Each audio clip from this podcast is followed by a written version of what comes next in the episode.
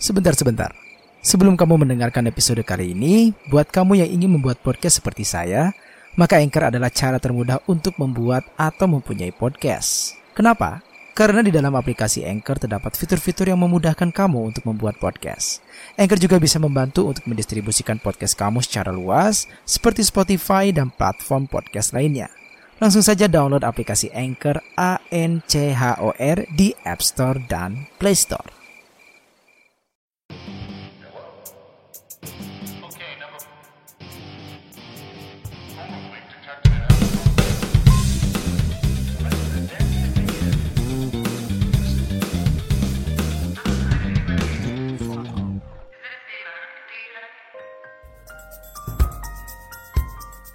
Bismillahirrahmanirrahim. Assalamualaikum warahmatullahi wabarakatuh. Selamat malam, selamat pagi, dan selamat siang buat teman-teman semua yang sedang mendengarkan saya kali ini. Saya Doni, selamat datang di Merinding Story. Halo teman-teman semua apa kabar? Semoga teman-teman selalu dalam keadaan sehat walafiat Selalu dalam lindungan Allah subhanahu wa ta'ala Dan tentu saja semoga teman-teman selalu terhindar dari virus COVID-19 Yang sampai hari ini masih mengancam kesehatan kita semua Baik teman-teman podcast Merinding Story um, Untuk episode kali ini uh, agak sedikit berbeda. Ya bisa disebut episode ini adalah episode penyegaran atau refresh ya Sebelum kita masuk lagi ke cerita-cerita yang berbau Tentang mistis, setan, demit, dan teman-temannya lah ya. Jadi ini adalah episode penyegaran. Um, Jadi episode ini kita akan bahas mengenai satu topik yang topik ini menjadi sangat viral ya dan saking viralnya topik ini agak sedikit meresahkan warga Indonesia terkhususnya ya. Iya, topik yang kita bahas adalah mengenai Nostradamus, mengenai ramalan Nostradamus. Mungkin teman-teman yang mendengarkan sekarang ada beberapa yang sudah tahu ya mengenai ramalan apa sih yang bikin orang Indonesia ini menjadi overthinking nih gara-gara ramalannya. Atau buat teman-teman yang belum tahu juga mungkin sekarang udah tahu ya karena mungkin saya akan menyantumkan judul untuk episode kali ini yang mengenai ramalannya itu sendiri. Jadi teman-teman tahu. Nah, kita akan bahas itu untuk di episode kali ini mengenai Nostradamus dan ramalan-ramalannya yang cukup menggemparkan dunia gitu ya. Oke, jadi um, akhir-akhir ini warga Indonesia digemparkan atau dibuat resah oleh ramalan Nostradamus yang katanya Indonesia akan berperang dengan Australia dan perang ini bukan perang kecil tapi perang besar ya eh, antara Indonesia dan Australia pada tahun 2037 itu ramalannya katanya. nah, tidak hanya orang Indonesia saja yang dibuat geger, tapi publik di Australia juga ternyata dibuat geger dengan ramalan ini ya. Yang mana ramalan ini akan terjadi perang besar antara Indonesia dan Australia pada tahun 2037. Nah, ramalan ini ditulis oleh Nostradamus atau nama lengkapnya Michel de Nostradam. Ramalan ini uh, ya ramalan ini saat ini ya saat ini ramai dibahas ya di media sosial dan di mana pun dan di TikTok juga beberapa kali seliweran ya mengenai uh, ramalan ini ramalan tentang Nostradamus tentang uh, akan adanya perang besar antara Indonesia dan Australia pada tahun 2037 mendatang. Nah, kenapa sih bisa sampai viral dan bisa sampai meresahkan warga Indonesia? Karena yang membuat publik semakin percaya dengan ramalan ini itu setelah membaca beberapa ramalan lainnya yang saat ini terbukti. Nah, salah satunya itu adalah ramalan eh, tentang kematian Ratu Elizabeth II pada tahun 2002 dan insiden gedung World Trade Center atau WTC pada 11 September 2001. Nah, selain itu juga jadi dalam bukunya itu e, banyak dikaitkan dengan fenomena-fenomena yang ada di zaman sekarang. Antara lain itu adalah e, salah satunya itu lagi adalah tentang ramalan perang Rusia dan Ukraina. Nah, jadi siapakah sosok Nostradamus ini, si penulis buku yang akhir-akhir ini banyak dibicarakan oleh orang-orang Indonesia. Jadi, uh, selain dikenal sebagai Nostradamus, sosok ini juga disebut Michel de Nostradam atau Nostradam, yang seorang peramal dan dokter asal Prancis, kelahiran 14 Desember 1503. Dan Nostradam tutup usia pada tanggal antara 1 atau 2 Juli tahun 1566.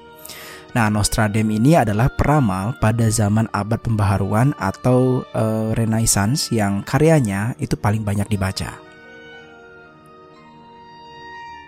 Nah, pada tahun 1544, dia pindah ke Salon dan menjadi dikenal banyak orang karena keahliannya dalam dunia medis.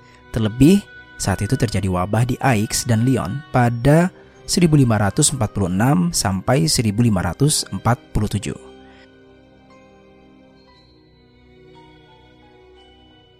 Pada tahun 1555, dia menjaga pemahamannya tentang nasib dunia dengan kerahasiaan yang paling ketat. Dia sebenarnya bersifat tertutup sejak masa kecilnya, sejak dia mempelajari sejarah keluarganya. Jadi nenek moyangnya ini adalah Yahudi Sephardik yang melarikan diri dari penganiayaan agama dan kemudian menetap di Perancis. Dan kemudian keluarganya ini berpindah agama ke Katolik. Pada tahun 1519, setelah upaya yang gagal untuk menemukan obat untuk wabah yang meletus di Avignon, Nostradamus muda melakukan kampanye perjalanan selama 8 tahun untuk mempelajari sifat rahasia tumbuhan. Mengikuti jejak kakeknya yang juga sebagai tabib, Michel Nostradamus mendaftar di Fakultas Kedokteran Universitas Montpellier. Pada tahun 1534, ia berhasil lulus dan nama belakangnya Nostradem diubah menjadi Nostradamus. Pada bulan Juli 1566, Nostradamus meninggal dunia sekitar tanggal 1 atau 2 Juli. Kematiannya ini disebabkan oleh penyakit asam urat yang sudah dideritanya bertahun-tahun. Karena penyakitnya tersebut, Nostradamus menjadi sulit untuk bergerak bebas dan kemudian penyakitnya berkembang menjadi edema. Bukunya yang berjudul Les Prepoties terbit pada tahun 1555 yang berisi semacam puisi yang dianggap sebagai ramalan masa depan. Berikut ini beberapa ramalan Nostradamus yang dianggap menjadi kenyataan. Yang pertama, pembunuhan John F. Kennedy. Tragedi pembunuhan Presiden John F. Kennedy menjadi salah satu kejadian paling penting pada abad ke-20 dan cukup menggemparkan dunia pada saat itu. Pasalnya, Kennedy ditembak di atas mobil saat sedang melewati Delhi Plaza pada tahun 1963 silam. Orang-orang pun menghubungkan kematian Presiden Amerika itu dengan karya Nostradamus, di mana terdapat dalam satu baris yang berbunyi, Dari atas kejahatan akan menimpa orang besar. Ini persis seperti kematian Kennedy. Kalimat kejahatan dari atas bisa diartikan menjadi penembak jitu dari atas gedung dan orang besar seperti mengumpamakan Kennedy sebagai presiden kala itu. Tidak sampai situ, syair itu berlanjut dengan berbunyi, Seorang yang tidak bersalah akan dituduh melakukan perbuatan itu. Kalimat ini seperti merujuk pada Lee Harvey Oswald yang telah dianggap sebagai orang yang tidak bersalah. Kedua, Kebakaran Besar London 1666. London pernah ditimpa kejadian kebakaran besar pada tahun 1666 yang dikenal dengan The Great Fire of London yang menyebabkan sebagian pusat kota menyisakan puing-puing. Tragedi ini pun kemudian membuat orang berspekulasi tentang sajak kalimat dari karya Nostradamus yang mengatakan, Darah orang akan melakukan kesalahan di London atau dibakar oleh kilat 2036 wanita kuno itu akan jatuh dari tempatnya yang tinggi. Beberapa sekte yang sama akan dibuat. Sajak ini dicocokkan dengan kejadian kebakaran London tersebut. Terlebih dalam kalimat kedua yang menyebut 20 kali 3 hasilnya 60. Kemudian ditambah 6 maka akan menjadi 66.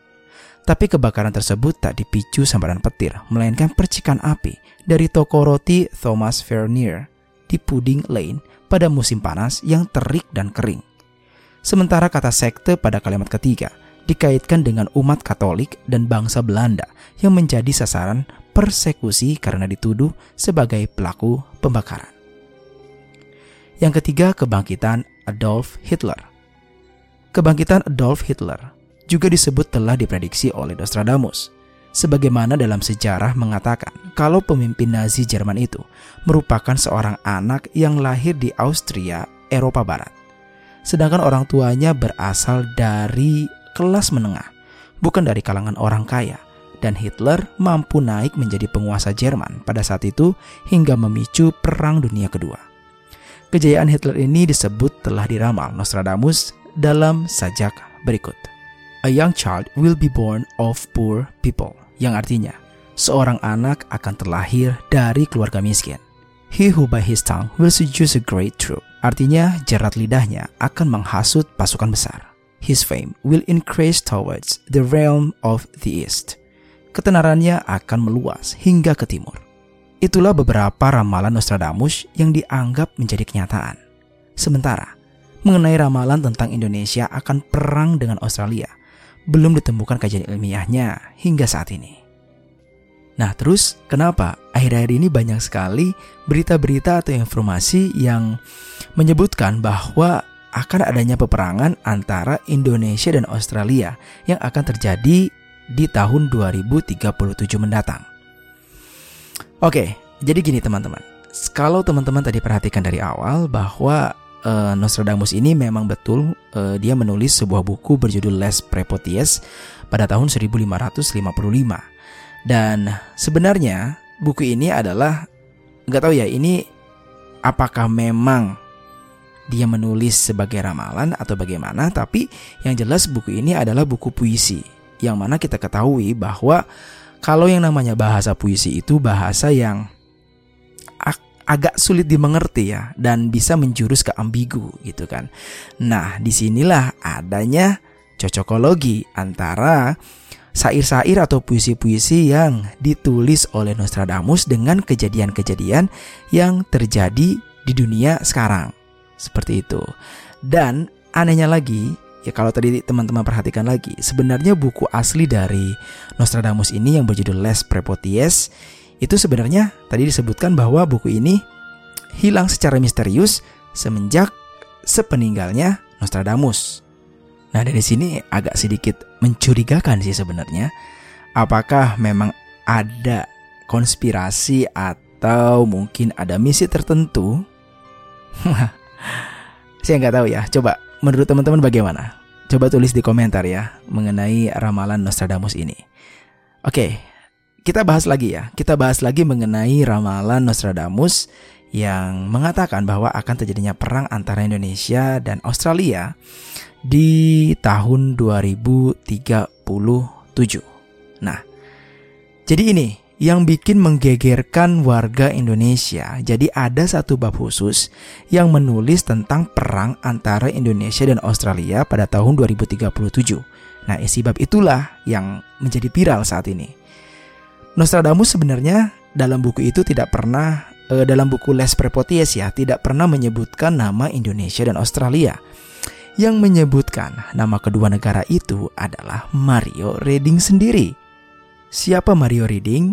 Nah, berdasarkan informasi yang saya dapatkan, jadi Mario Reading itu adalah uh, seorang penulis buku juga yang mana uh, dia menafsirkan puisi-puisi atau sair-sair yang ada di buku Les Prepoties yang ditulis oleh Nostradamus ya dan dikaitkan itu ke kejadian besar di dunia.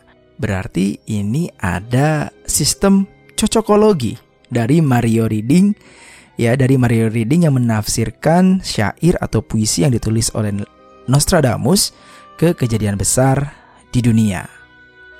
Nah, cocokologi yang mencatut nama Nostradamus ini tak hanya terkait ramalan tentang Indonesia saja sebenarnya. Kita ambil aja contoh bab ramalan tentang tsunami 2004 yang ditulis oleh Mario Reading ya.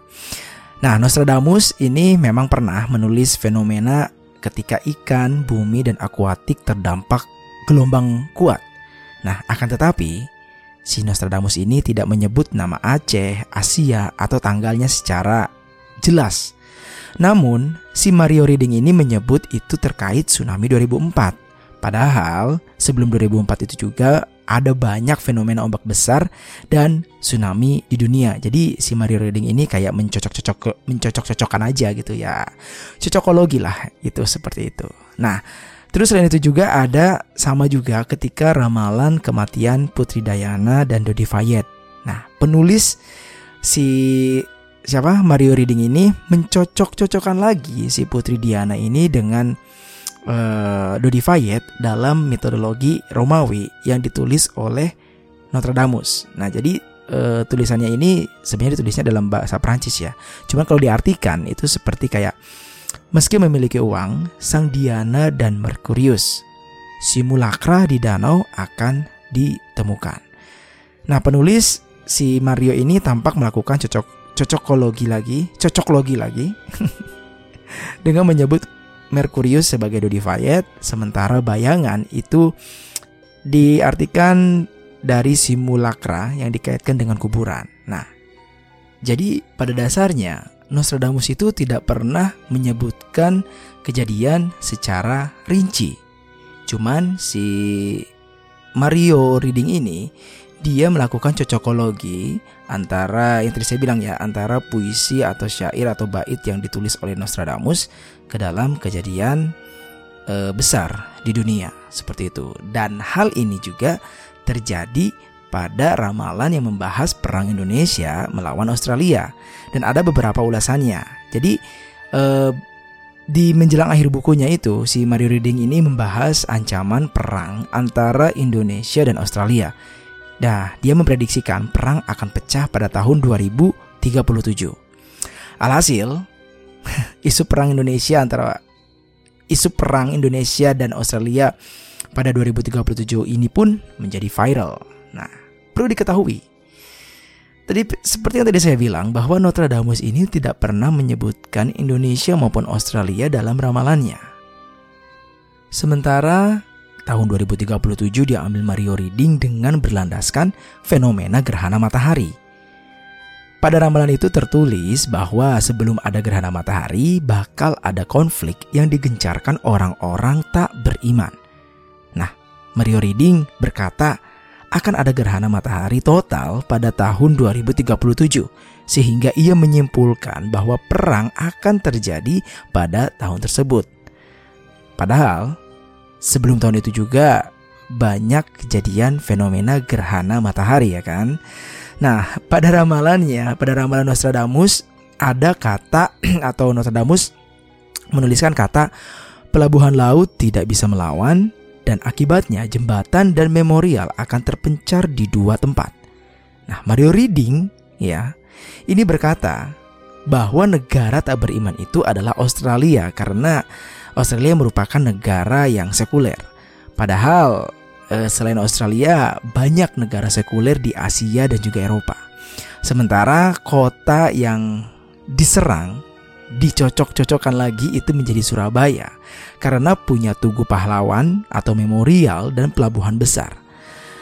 Tak ada penjelasan sebenarnya yang lebih detail kenapa Mario Reading memilih fokus ke Surabaya. Bab singkat itu ujuk-ujuk ditutup dengan kesimpulan Mario Reading ya bahwa akan ada perang besar antara Australia dan juga Indonesia. Nah, jadi sebetulnya ramalan-ramalan ini adalah um, hasil cocokologi yang dilakukan oleh Mario Reading terhadap bait-bait puisi dari Nostradamus yang ditulis pada tahun 1555 dalam bukunya yang berjudul Les Prophéties.